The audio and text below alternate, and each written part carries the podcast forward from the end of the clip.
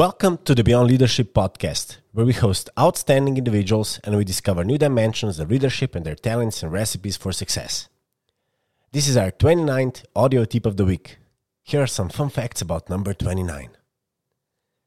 Did you know that Saturn requires over 29 years to orbit the Sun? In bingo, ball number 29 is also called your prime. And here's a, fun fact about married couples According to the US today, 29% of married couples share a toothbrush. And when I was 29, I was exploring new technologies where I was leading the innovation at BTC City. Let's go to today's tip of the week. Today's tip of the week is based on the article The Hazards of a Nice Company Culture, written by Clark, published in June in 2021 in Harvard Business Review. In too many companies, there is the appearance of harmony and alignment, but in reality, there's often dysfunction simmering beneath the surface. The intention behind cultivating a nice culture is often genuine. But leaders believe they're doing a good thing that will motivate people and create inclusion. But often they're mistaken. Sometimes it has the opposite effect, and the result is a lack of honest communication intellectual bravery, innovation, and accountability.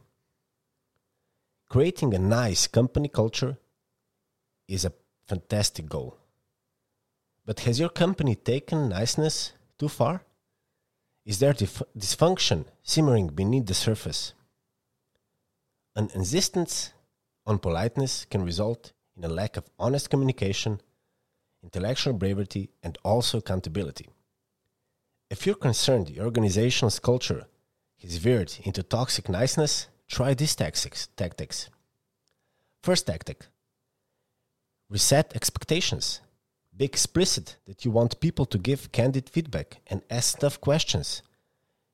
This change won't be easy, so clearly explain the organization's current status, future state, and how the transition between the two will work. Number two, demonstrate vulnerability. Don't expect others to usher in a new era of truth telling if you haven't modeled the behavior. You must be the first mover demonstrating fallibility and showing people that candor is rewarded, as well as open communication. And final tactic provide air cover for people who speak up. When people do express dissenting views, and if they don't agree, don't reprimand them, but thank them. Be honest acknowledge them in front of everyone. Publicly challenge the status quo you helped create.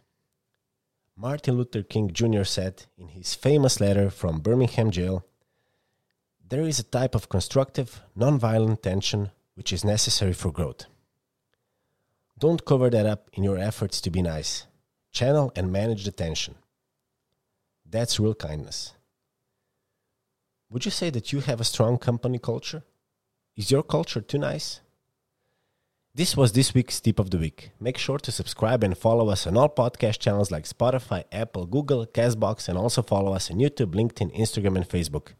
And we also have a new website, beyondleadership.si. Till next time,